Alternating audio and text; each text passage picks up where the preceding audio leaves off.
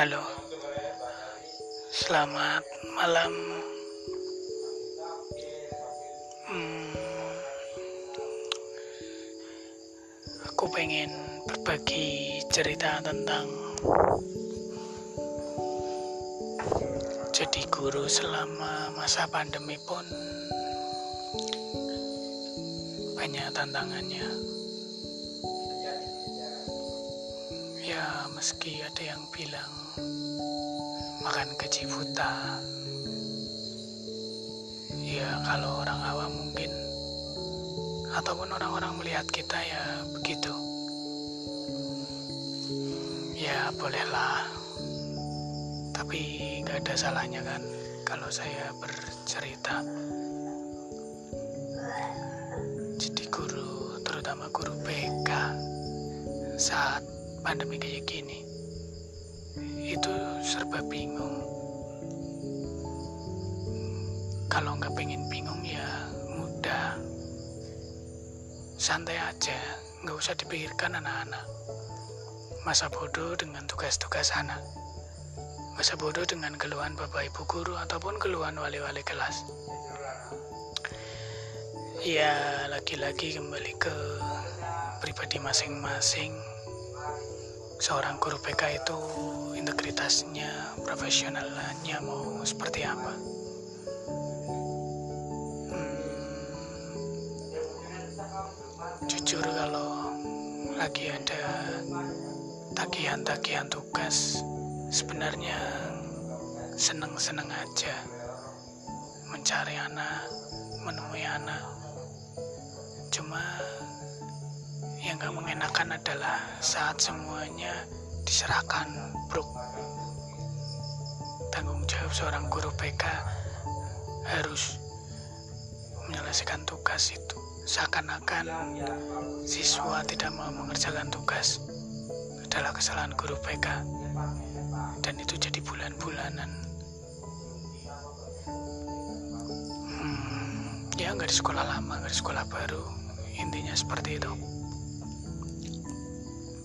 sebenarnya fine-fine aja, baik-baik aja saat saya sebagai guru BK dimintai tugas, dimintai bantuan untuk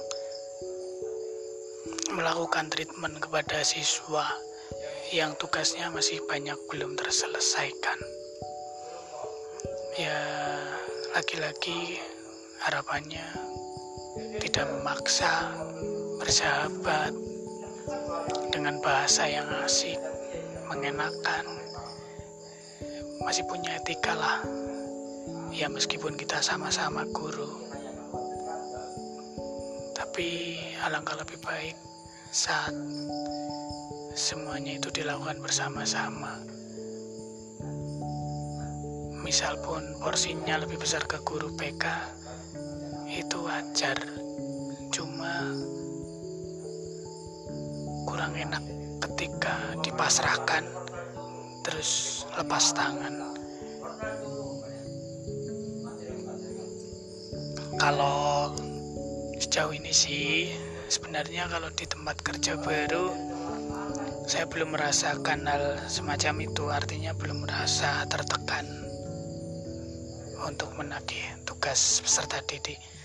Ya saya yakin di beberapa tempat di sekolah yang lain guru BK mengalami hal seperti itu. Dilema bingung. Tapi mau nggak mau ini tantangan sebagai guru BK selama masa pandemi. Melakukan konseling peserta didik di rumah itu rasanya kaku karena mesti didampingi sama orang tuanya kita mau ngobrol apa? Intinya malah curhat sama orang tuanya. Sama-sama mengalami kesulitan. Kesulitan kota sinyal anaknya rewel ribet. Begitulah.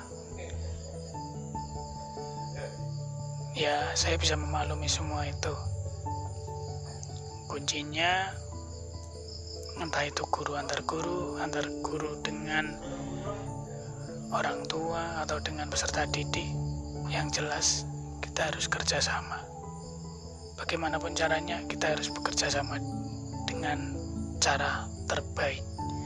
Saling menghargai saling mengingatkan satu sama lain. Bukan memasrahkan. Memberikan melempar tanggung jawab kepada orang lain. Ya gitu sih menurut saya. Semangat menjadi guru PK yang menginspirasi. Hei mungkin